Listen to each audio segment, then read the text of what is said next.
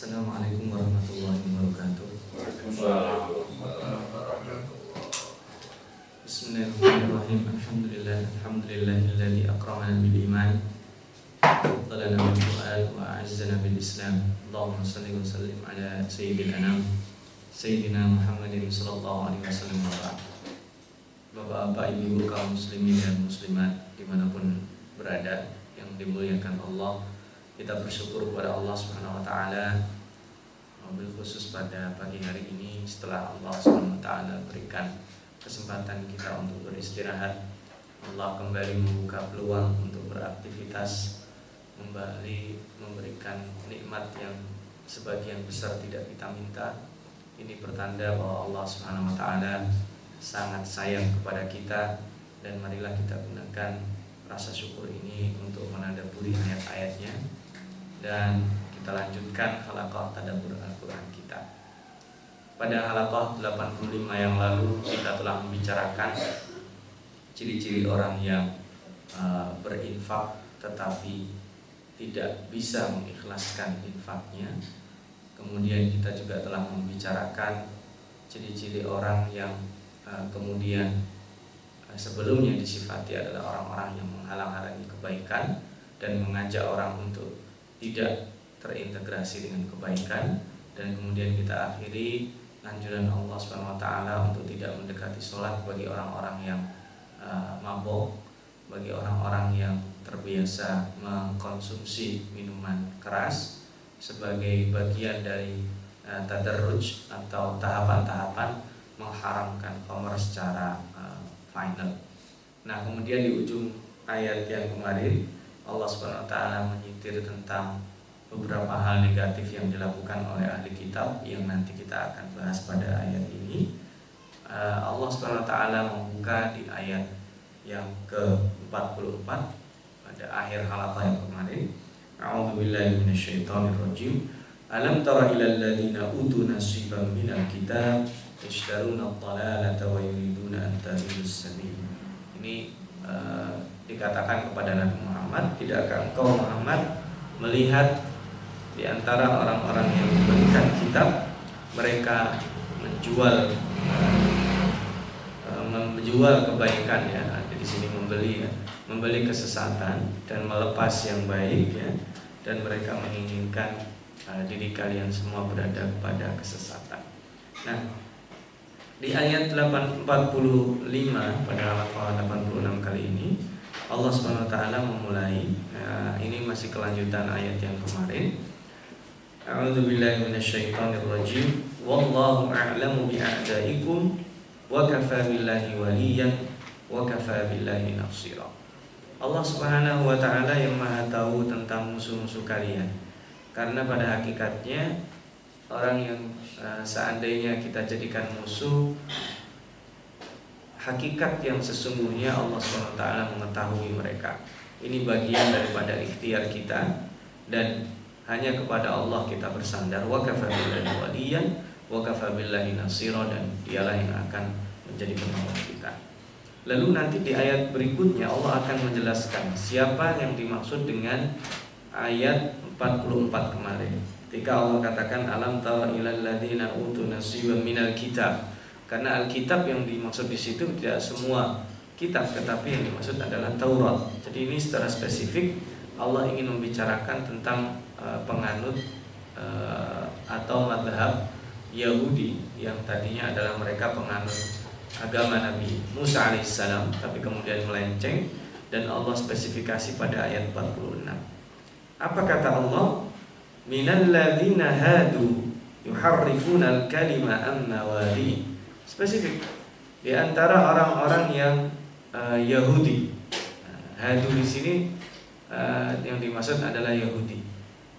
Dan ini kita pernah mengulang uh, pernah saya sebut ya, Al-Fakir sebutkan di dalam Al-Qur'an itu ada beberapa penyebutan. Kadang disebut Bani Israel, kadang disebut ahli kitab, kadang disebut dengan utul kitab dan kadang disebut dengan Yahudi atau Nasrani itu berbeda. Ketika disebut Bani Israel itu global umum, baik membicarakan kebaikan atau membicarakan keburukan. Ketika membicarakan tentang uh, ahli kitab itu berarti orang yang menerima kitab itu semua ya. Nah, ketika Allah membicarakan utul kitab itu orang yang diberikan pemahaman tentang Alkitab. Nah, itu biasanya diberikan e, diidentikan kepada ulamanya ahli kitab.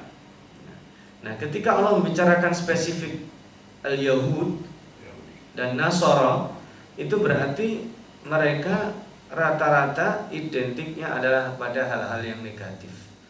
Jadi kalau ada kata-kata Yahudi disebut di dalam Al-Quran atau Hadu atau Nasara disebut di dalam Al-Quran itu identiknya kepada hal-hal yang negatif. Termasuk hari ini kita bicarakan. Minal ladina hadu di antara mereka ini keterangan ayat 44. Yuharrifuna al-kalima am Mereka ini mendistorsi perkataan dan mereka menambah-nambah atau mengurang-urang. Jadi diubah yang ini aslinya di belakang di depan ini. Ini yang dimaksud adalah Alkitab. Jadi isi Alkitab itu benar, tetapi karena sudah didistorsi, yang depan dibelakangkan, yang belakang didepankan, yang tidak ada ditambah, yang ada dihapus, itu istilah Al-Quran yuharrifuna al-kalima am atau tahrif ya atau e, pemalsuan. Nah, ini yang pertama. Yang kedua, wa yaquluna sami'na wa asaina wasma' ghaira musma'in wara'ina layyan bi alsinatihim wa ta'nan fid Wah ini satu paket. Mereka berkata sami'na kami dengar wa asaina tetapi kami nggak mau melaksanakan. Jadi ada dua cara orang untuk menghindarkan diri dari taklif. Dia pura-pura tidak dengar atau tidak paham terhadap order. Itu ini yang dilakukan oleh orang Yahudi. Maka kita lihat, lihat aja contoh surat-surat pertama di dalam Al-Quran setelah Al-Fatihah. Dinamakan surat apa? Al-Baqarah. Baqarah itu bukan artinya bukan sapi betina. Dalam bahasa kaidah bahasa Arab di antara uh, para pakar bahasa itu bakar itu sapi kalau ada taknya memang bisa diartikan sapi betina, tetapi diartikan di situ sapi apa saja Kenapa? Karena ketika diperintah menyembelih sapi itu antat bahu bakar. Sebenarnya kalau mereka sudah tidak tanya-tanya langsung disembelih sapi selesai itu. Tapi karena mereka aslinya memang tidak menginginkan repot-repot, udah tahu matangnya aja, mereka menghindar sebenarnya. Sapinya yang gimana? Yang gede yang kecil. Sapinya gimana? Yang laki yang perempuan. Sapinya gimana? Yang yang warna biasa atau yang agak kuning? Sapinya gimana yang dipakai untuk membajak atau yang yang di, dirawat di ternak di rumah? Nah ini jadi menyulitkan mereka. Maka bakara di situ adalah untuk menekankan lawan dari keribetan yang mereka buat sendiri. Jadi di sini juga sama sami'na tapi ya mohon maaf ya kami hanya mendengar saja. Silakan ada jelaskan Pak, tapi maaf saya saya belum mampu melakukan. Padahal ini bukan belum mampu. Kalau sami'na kami tidak punya, tidak bisa. Tapi wa asoina, yang benar itu wa asoina. Sami'na kami dengar tapi oh saya tidak mau. Gitu. Itu kan menjengkelkan. Ayo hari ini kita kerja bakti, ayo hari ini ini. Ya kami dengar tapi ma maaf ya saya tidak bisa ikut terlibat. Itu kan menjengkelkan sekali. Dia lebih menjengkelkan lagi wasna. Muhammad dengerin Gairah musma, tapi dia berharap mudah-mudahan dia nggak dengar. Itu kan sifat yang luar biasa. Dia ngomong setengah-setengah. Wasma gairah musma. Apa maknanya wasma gairah musma? Dengerin Muhammad, kami ini begini-begini, tapi sesungguhnya yang dia katakan dia tidak berharap bisa didengarkan oleh lawan bicaranya. Speak up, kamu ngomong, Ketika dia ngomong ngomongannya gak jelas, muter-muter. Ini berarti ini orang ciri-ciri aliran sesat gitu, muter-muter. Dia mau menyesatkan orang uh, dengan berbicaraannya, tapi dia muter-muter. Nanti intinya ada di ujung. Warahina, warahina, rahina ini bahasa mereka tidak dikenal dalam bahasa Arab, artinya adalah unzurna, cari perhatian. Jadi mereka yang pertama itu selain tadi distorsi eh, menyelewengkan yang kedua mereka ini mendengar tapi tidak melaksanakan. Yang ketiga mereka berbicara tapi pembicaraannya itu tidak jelas atau memang tidak ingin dipahami tidak ingin e, dianggap sebagai sebuah fakta. Dan yang keempat ra'ina itu artinya adalah mereka cari perhatian. Tapi cari perhatiannya apa? Layan bi alsinatihim wa ta'nan fiddin cari perhatiannya dengan layan bi alsinatihim berdusta. Wa ta'nan mereka melukai menistakan agama. Jadi kalau ada orang ingin aneh-aneh misalnya udah saatnya haji nggak ada nggak usah di Mekah saja. Buktinya kalau di sana banyak korban. Nah itu jadi termasuk menggunakan metode ini. Cari perhatian dengan menistakan agama. Umat Islam sedang ditimpa musibah eh disalahkan.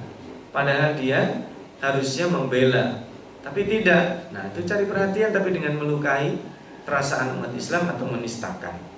Ilayan bi alsinatihim berdusta dan menistakan atau menohok atau menukai agama. Sebenarnya bukan agama tetapi dia menjelek-jelekan Islam atau penganutnya.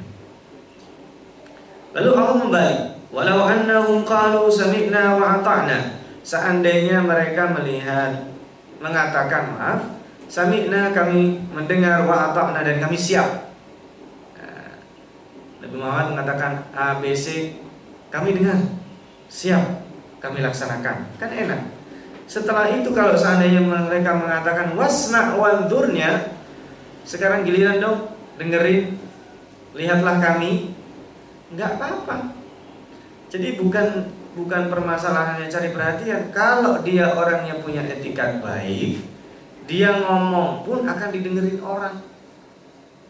Makanya wasma wandurna lakana khairal lahum. Maka itu akan menjadi baik bagi mereka. Wa aqwam dan lebih lurus. Tetapi apa yang terjadi? Walakin la'anahumullahu bikufrihim fala yu'minuna illa qalila dan sayangnya Allah Subhanahu wa taala melaknat mereka dengan kekufuran yang mereka lakukan dan tidak beriman di antara mereka kecuali sedikit. Ini di ujung ayat 46 ini ada perbedaan fasirin. Sebagian mengatakan mereka tidak beriman kecuali sedikit secara fisiknya, kuantitatif, uh, jumlahnya. Jadi kalau ada 100 orang yang iman mungkin dua atau tiga saja. Tetapi ada sebagian yang menafsirkan menarik. Fala yu'minun illa qalila. Jadi bukan illa qalilun. Berarti bukan orangnya. Jadi rata-rata mereka itu beriman sedikit aja dari ajaran agamanya. Jadi sudah sedikit misalnya dari 100 orang itu 100-100nya beriman. Tetapi dia beriman pada hal tertentu yang sangat sedikit saja. Faktanya mereka mendustakan sebagian besar ajaran yang dibawa oleh Nabi Muhammad SAW Nah nanti yang seru di ayat 47 Di ayat 47 ini menjelaskan karakter yang lebih uh, Bisa kita pelajari ya Karena ini adalah kisah ya Ya ayyuhalladzina amanu eh, ya ayyuhalladzina utul kitab wahai orang-orang yang diberikan kitab yang faham Alkitab. Aminu berimanlah kalian bima nazzalna musaddiqan lima ma'akum dengan sesuatu yang kami turunkan sebagai pembenar yang ada sama kalian Taurat dan Injil itu itu Al-Qur'an ya. Nah, ini min qabli an natmisa wujuha fanaruddaha ala adbariha au nal'anahum kama la'anna ashabas sabt. Ini satu ayat ini sudah dijelaskan di surat Al-Baqarah, surat Al kalau tidak salah surat Al-Araf dan surat-surat yang lainnya bercerita tentang ashabus sabt. Jadi berimanlah kalian pada Al-Qur'an sebelum annat misalnya atau dalam bahasa Arab itu menghilangkan bekasnya. Itu jenis siksaan yang Allah turunkan ya min qabli annat misa wujuha itu bekas wujud atau muka dihilangkan. Mohon maaf, wajah kita itu kelihatan kalau ada matanya, kalau ada hidungnya, kalau ada mulutnya. Maksud Allah itu berimanlah kepada Al-Qur'an sebelum kami hilangkan itu mata, hidung dan mulut. Dan itu terjadi nanti Allah hukum kepada ashabus sabut. Jadi hukumannya itu coba kita bayangin, tiba-tiba mata kita hilang, hidung hilang, mulut hilang, jadi rata. Serem nggak itu? Nah, itu satu. Kemudian yang kedua, fanaruddaha ala adbariha kemudian diputar. Yang tadinya ada di depan jadi belakang. Jadi bagian depan kita itu tengkuk kita kemudian terus kita ketemu orang wah serem itu apalagi kalau itu terjadi lagi ngomongnya malam malam-malam kabur orang sih jadi ini membayangkan saja seram sekali. Duh, kenapa Allah swt nakut-nakuti kita dengan sesuatu yang horor? Dilanjutkan ya. Aunal anahum kama la'anna ashabas sabat atau kami laknat. Jadi di sini langsung Allah yang turun langsung bukan uh, atau dilaknat oleh Allah. Tidak tapi nal anahum. Sama dengan tadi nat misa jadi kami. Allah yang melakukan kamala anak asab sabat jadi asab sabat itu apa asab sabat itu sebagian orang Yahudi yang pada waktu itu sudah mapan ekonominya kemudian mereka menginginkan kepada Allah satu hari khusus yang mereka di situ istirahat dan hanya untuk beribadah kepada Allah. Lalu Allah kasih hari Sabtu. Hari Sabtu itu ceritanya begitu. Dia hari yang dikhususkan untuk istirahat dan beribadah. Beda dengan umat Islam. Kalau umat Islam dikasih hari Jumat, boleh beristirahat tapi faktanya tidak sebenarnya. Karena ya ayyuhalladzina amanu idza nudiya yaumil jumu'ah fas'au ila dzikrillahi wa dzarul bai' dan tinggalkan jual beli. Berarti di hari Jumat sebenarnya umat Islam itu tidak harus libur. Umat Islam itu jual beli. Ada aktivitas ekonomi ada aktivitas lainnya. Tapi kalau sudah adzan atau mendekati adzan wadahul bayi. Tinggalkan aktivitas. Berbeda dengan orang Yahudi. Dia meminta hari Sabtu itu hari khusus untuk istirahat, gak mau kerja mereka. Dan hari khusus untuk beribadah. Karena mereka pahamnya kalau yang lainnya gak ibadah gak apa-apa hari itu bisa khusus. Sebagian dari mereka begitu. Tapi faktanya kemudian Allah uji. Di hari Sabtu itu mereka dilarang mancing ini saya nggak berpura betulan. Kenapa? Karena mereka istirahat dan ibadah aja. Meskipun ada orang istirahatnya yang mancing, tapi nggak boleh. Dan Allah beri ujian apa? Ini kalau kita lihat peta, ini disebut daerahnya ada Aila. Aila itu di bagian selatan Palestina, paling ujung berbatasan dengan Sinai, uh, yang lebih ujung lagi itu nanti ketemu dengan laut merah. Jadi laut merah paling habis ujungnya laut merah mereka. Uh, atau sekarang mungkin bisa ketemu dengan uh, saya lupa nama pelabuhan di Yordan itu ya di ujung itu ya. Uh, itu berbatasan dengan dengan Mesir dan uh, laut merah.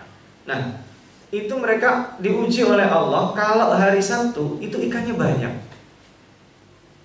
Dan orang itu tahu kalau hari Sabtu itu ikannya muncul ya cuy gitu naik ke atas jadi mereka yang tadinya istirahat nyantai-nyantai duduk di tepi pantai atau di rumah. Tergoda juga. Wah ini kayaknya bagus juga kita mancing melaut gitu. Akhirnya sebagian mereka melanggar. Dan di sini ada tiga. Sebenarnya kalau lebih panjang kita akan cerita itu. Ada di dalam surat al-araf dalam sebagian pernah kita bahas dalam surat al-baqarah ya tapi saya bahas intinya saja. Jadi ada tiga golongan menyikapi larangan tidak boleh bekerja di, atau melakukan aktivitas memancing di hari Sabtu. Yang pertama, golongan yang melanggar dan itu banyak. Udahlah nggak apa-apa, yang penting kita ada waktu untuk beribadah. Ayo kita keluar, kita mancing tidak apa-apa. Yang kedua, golongan yang mengingatkan dan mereka tidak melakukan. Eh jangan lakukan itu. Kita sudah dilarang sama Allah. Tapi ada golongan ketiga yang dia negur, eh ngapain kamu susah-susah ngingetin mereka? Udahlah, kamu mau sholat sholat aja. Jadi golongan yang ini jenisnya adalah golongan yang cuek. Dia sholat beribadah tapi nggak mau tahu orang melakukan kemaksiatan.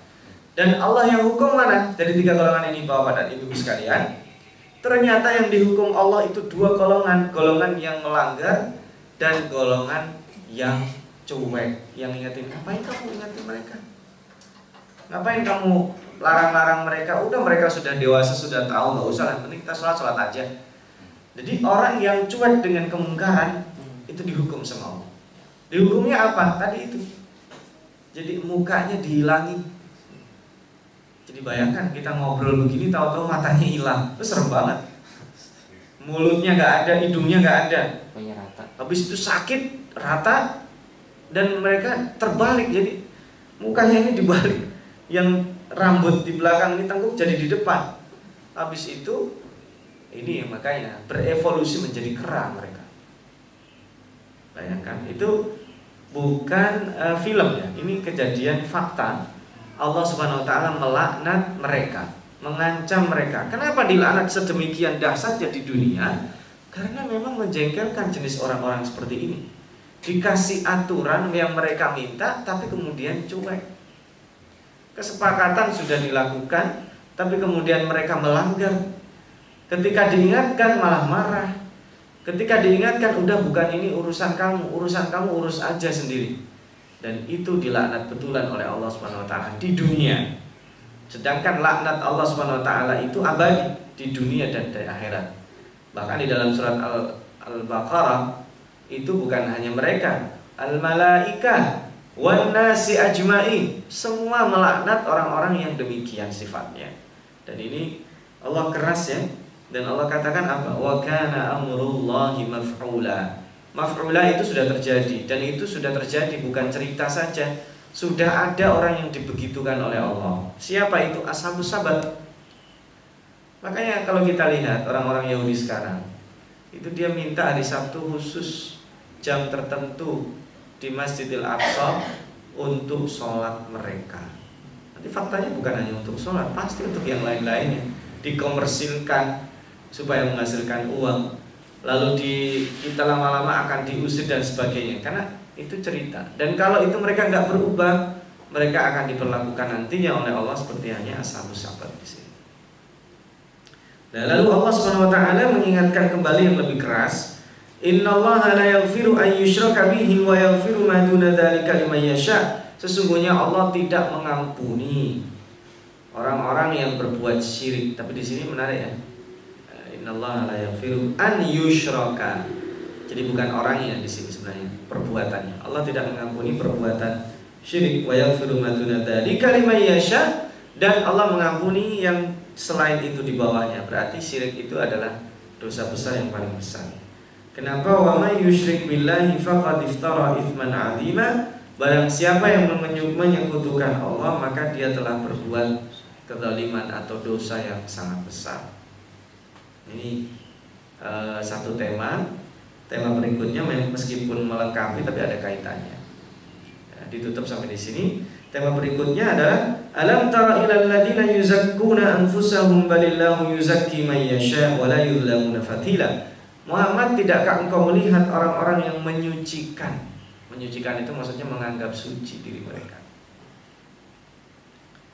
Yaitu tadi di antara ada orang tiga tadi ya yang satu kami dengar tapi oh enggak. Yang satu lagi, eh kok kamu begitu lakukan seperti yang diorderkan. Nah satu lagi mengatakan udahlah nggak usah diurus itu urusan mereka. Nah orang-orang yang terakhir itu sebenarnya lebih berat. Kenapa nanti? Udahlah kita ini orang, udahlah yarin aja mereka. Kita ini termasuk orang yang dia egois. Makanya bahasanya adalah alam tara ilal ladina yuzakkuna anfusahum. Nanti dalam surat An-Najm dikatakan Fala tuzakku anfusahum huwa a'lamu biman Jangan sekali-kali kalian menganggap suci diri kalian. Makanya mohon maaf Bapak-bapak dan Ibu-ibu sekalian, kalau kita melihat orang maksiat sedang judi misalnya. Jangan sekali terbertik di jiwa di dalam diri kita. Saya malah lebih baik dari dia. Lihat orang berpakaian yang gak jelas bagi perempuan. Saya malah lebih baik dari dia lihat orang sedang riba, lihat orang sedang maksiat, kita bangga bahwa diri kita lebih baik dari itu, itu dilarang kita. Yang diperbolehkan itu kita bersyukur, bersyukurnya alhamdulillah saya nggak punya kecenderungan pengen judi minum minuman keras itu boleh. Tapi tidak menganggap dirinya lebih suci dari orang lain. Kenapa? Karena di sini dikatakan Allah balillahu yuzakki mayyasha. Allah yang menyucikan. Jadi artinya dua. Fala tuzakku di situ adalah di sini adalah alladzina yuzakkuna anfusahum bukan menyucikan. Kalau menyucikan itu diperintah. Qad aflaha man tazakka, bukan yuzakki tapi tazakka. Tazakka itu yang mengarah penyucian. Kita punya baju dicuci. Nah, itu tazakka.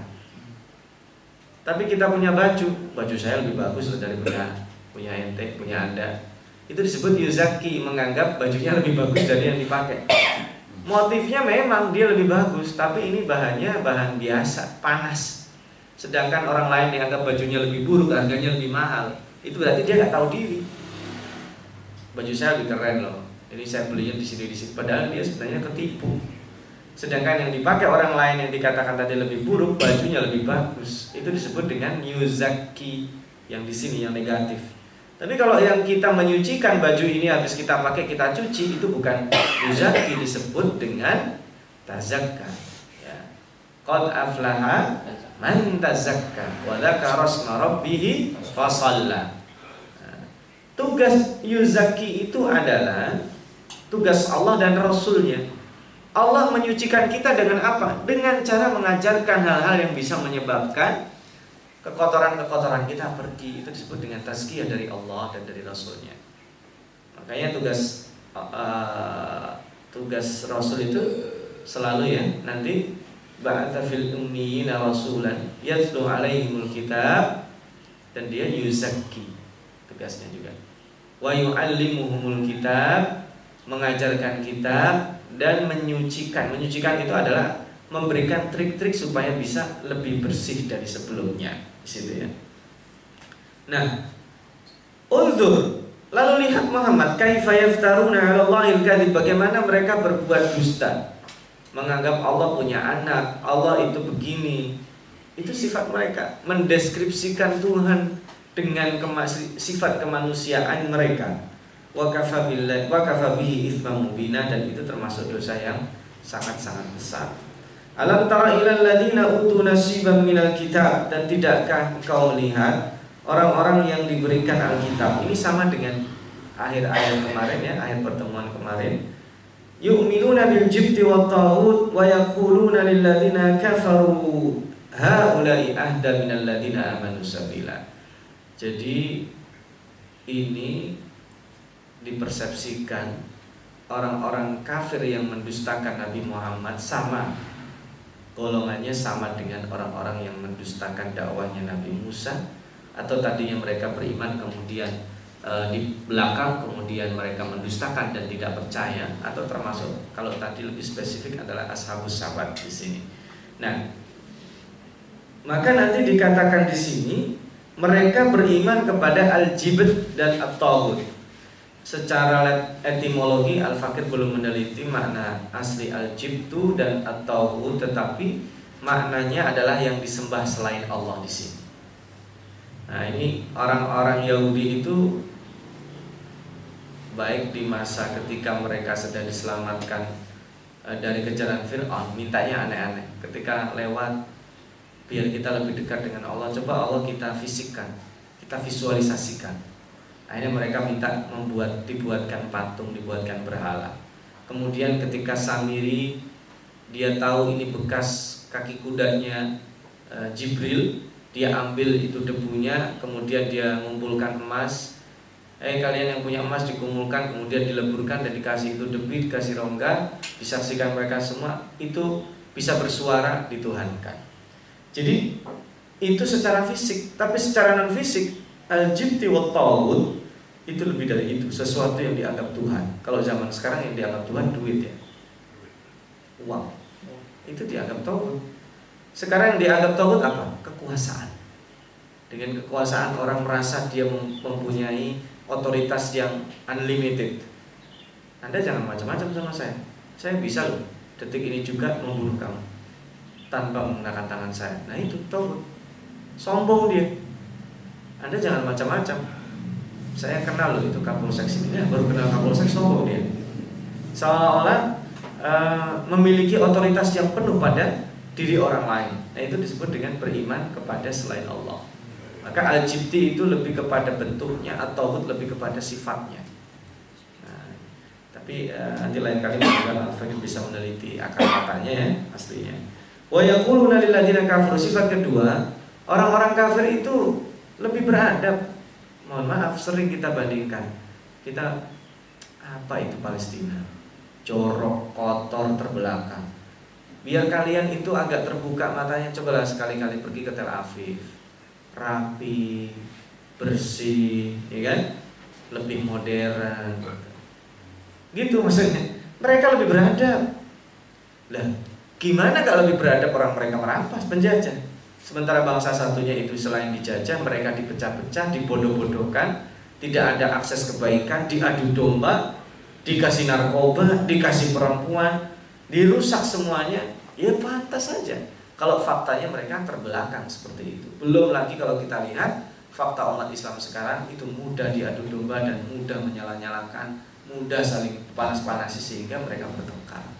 Jadi kalau kita katakan mana lebih bagus, Lihat itu negara-negara Eropa. Negara-negara Eropa itu kan lebih bersih, lebih islami dari negara Islam. Nah, orang-orang negara Islam lebih brengsek. Dan kadang kita begitu tidak sadar, terjebak dengan retorika itu. Betul bahwa negara-negara itu maju. Betul bahwa mereka itu mempraktekkan nilai-nilai Islam.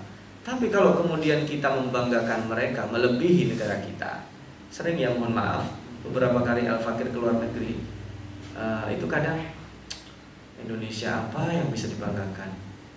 Macet macetnya parah ya? E, orangnya di nggak ada yang jujur seolah-olah ya. Padahal masih banyak orang baik sebenarnya. Lalu kita suka membanding-bandingkan transportasi di Singapura di Swiss di Jepang di Jerman.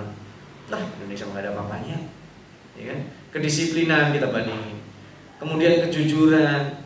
Kalau di sana ada dompet jatuh nggak ada yang ngambil diserahin ke kantor polisi. Di sini jangankan dompet jatuh ada di saku aja hilang misalnya. Nah ini kita bangga banggakan itu negara-negara orang-orang non muslim sebenarnya kalau dalam artian untuk mengkritik tidak apa-apa. Kita harusnya malu dong yang mengajarkan kejujuran dan jujur. Tapi seringnya tidak mengkritik seringnya jelek-jelekin. Itu kita bisa terjebak pada retorika orang-orang yang dibenci sama Allah. Jadi kecenderungan ya mohon maaf sekali lagi seperti itu. Kita membandingkan dengan yang di dekat kita lebih jelek dengan orang lain. Padahal sesungguhnya mereka juga tidak kalah buruknya. Lihat mereka yang dikatakan berperadaban itu memelihara memanusiakan hewan ya. Kadang anjing kadang hewan itu dimanusiakan sekali tapi mereka dengan mudah membunuh orang ya. Berbicara dengan hak asasi manusia tapi kalau sudah yang dibunuh itu umat Islam tidak ngomong. Kasus kemarin contohnya nyata bukan kita tidak berduka bukan kita tidak me, e, mencela pembunuhan yang terjadi di Paris. Tapi faktanya setelah itu mereka dari Syria dengan alasan ISIS. Tapi lihat bukan saya tidak tidak percaya ISIS itu ada dibunuh orang-orang atau gudang-gudang senjata ISIS tapi faktanya banyak orang-orang sipil yang terbunuh rumah sakit yang kena itu Nah itu faktanya. Kalau ada state terrorism, tidak ada yang melawan. Tapi kalau ada golongan kecil yang kemudian diklaim sebagai teroris, kemudian disematkan menjadi eh, ciri-ciri uh, umat Islam yang radikal dan keras, kemudian kita terpaksa harus minta maaf kepada orang lain. Nah itu hati-hati jebakan bahwa kita sebagai umat Islam akhirnya menjadi minder, malu. Padahal sebenarnya uh, yang dilakukan oleh orang-orang yang membunuh itu tidak ada hubungannya dengan Islam. Islam itu tidak mengajarkan seperti itu. Nah, maka di ayat-ayat ini, ini keras sekali, jangan dianggap sederhana. Ketika Allah menyebut al-jibti wa tawud, itu keras. Yang kedua kemudian dikatakan wa yaquluna lil ladzina kafaru haula'i ahda minal ladzina amanu sabila. Ini lebih berperadaban. Lihat orang Jepang, tidak kenal Islam tapi lebih berperadaban. Lihat itu Jerman, lihat Perancis, lihat Swiss, lihat negara-negara Skandinavia. Tidak ada itu mereka kenal Islam tapi lebih berperadaban. Tapi lihat itu negara-negara Timur Tengah pada bunuh-bunuhan mereka. Nah, bunuh-bunuhan bukan tanpa sebab. Ada yang mengadu domba. Selain rapuhnya secara internal karena memang ada kepentingan eksternal. Nah, itu hati-hati kalau kita di Indonesia kemudian diadu domba. Yang satu dituduh A, yang satu dituduh B, kemudian kita sibuk mencaci maki orang lain sudah pergi ke bulan dan ke planet-planet kita masih musuh-musuhan cakar-cakaran. Maka di akhir ayat ini sekaligus sebagai introspeksi kepada kita ketika kita berkunjung ke luar negeri ke tempat orang-orang yang non muslim ke tempat orang-orang yang dalam tanda kutip bersebelahan berseberangan ideologi dengan kita boleh kita katakan ya mereka lebih maju ya harusnya kita malu. Nah itu introspektif namanya tapi kalau kemudian kita katakan apa itu Indonesia? Malu saya jadi orang Indonesia. Ya sudah kalau malu jangan jadi orang Indonesia. Keluar saja dan jadilah seperti diri mereka. Ya belum tentu diterima juga kalau kita malu sebagai orang Indonesia. Maka begini-begini jelek-jeleknya ini adalah bangsa kita. Mari kita perbaiki bersama. Ini eh, sebagai akhir dari tadabur halakah ke-86 dan ini pamungkas yang sangat tajam eh, sindiran dari Allah Subhanahu wa taala untuk kita semua mudah-mudahan dengan sindiran kepada ahli kitab dan eh, Yahudi khususnya di sini membangkitkan uh, umat Islam agar kembali memimpin peradaban, pertama yang harus dilakukan adalah pendekatan introspektif, memperbaiki diri sendiri. Baik, nanti silahkan bisa disambung dalam uh, tanya jawab dan jika ada yang mau menambah, tafadhal. Saya akhiri sementara wallahu a'lam bishawab. Aku lu qauli hadza ja'alallahu wa iyyakum minal ladzina yastami'una al-qawla fayattabi'una ahsana. Wassalamualaikum warahmatullahi wabarakatuh.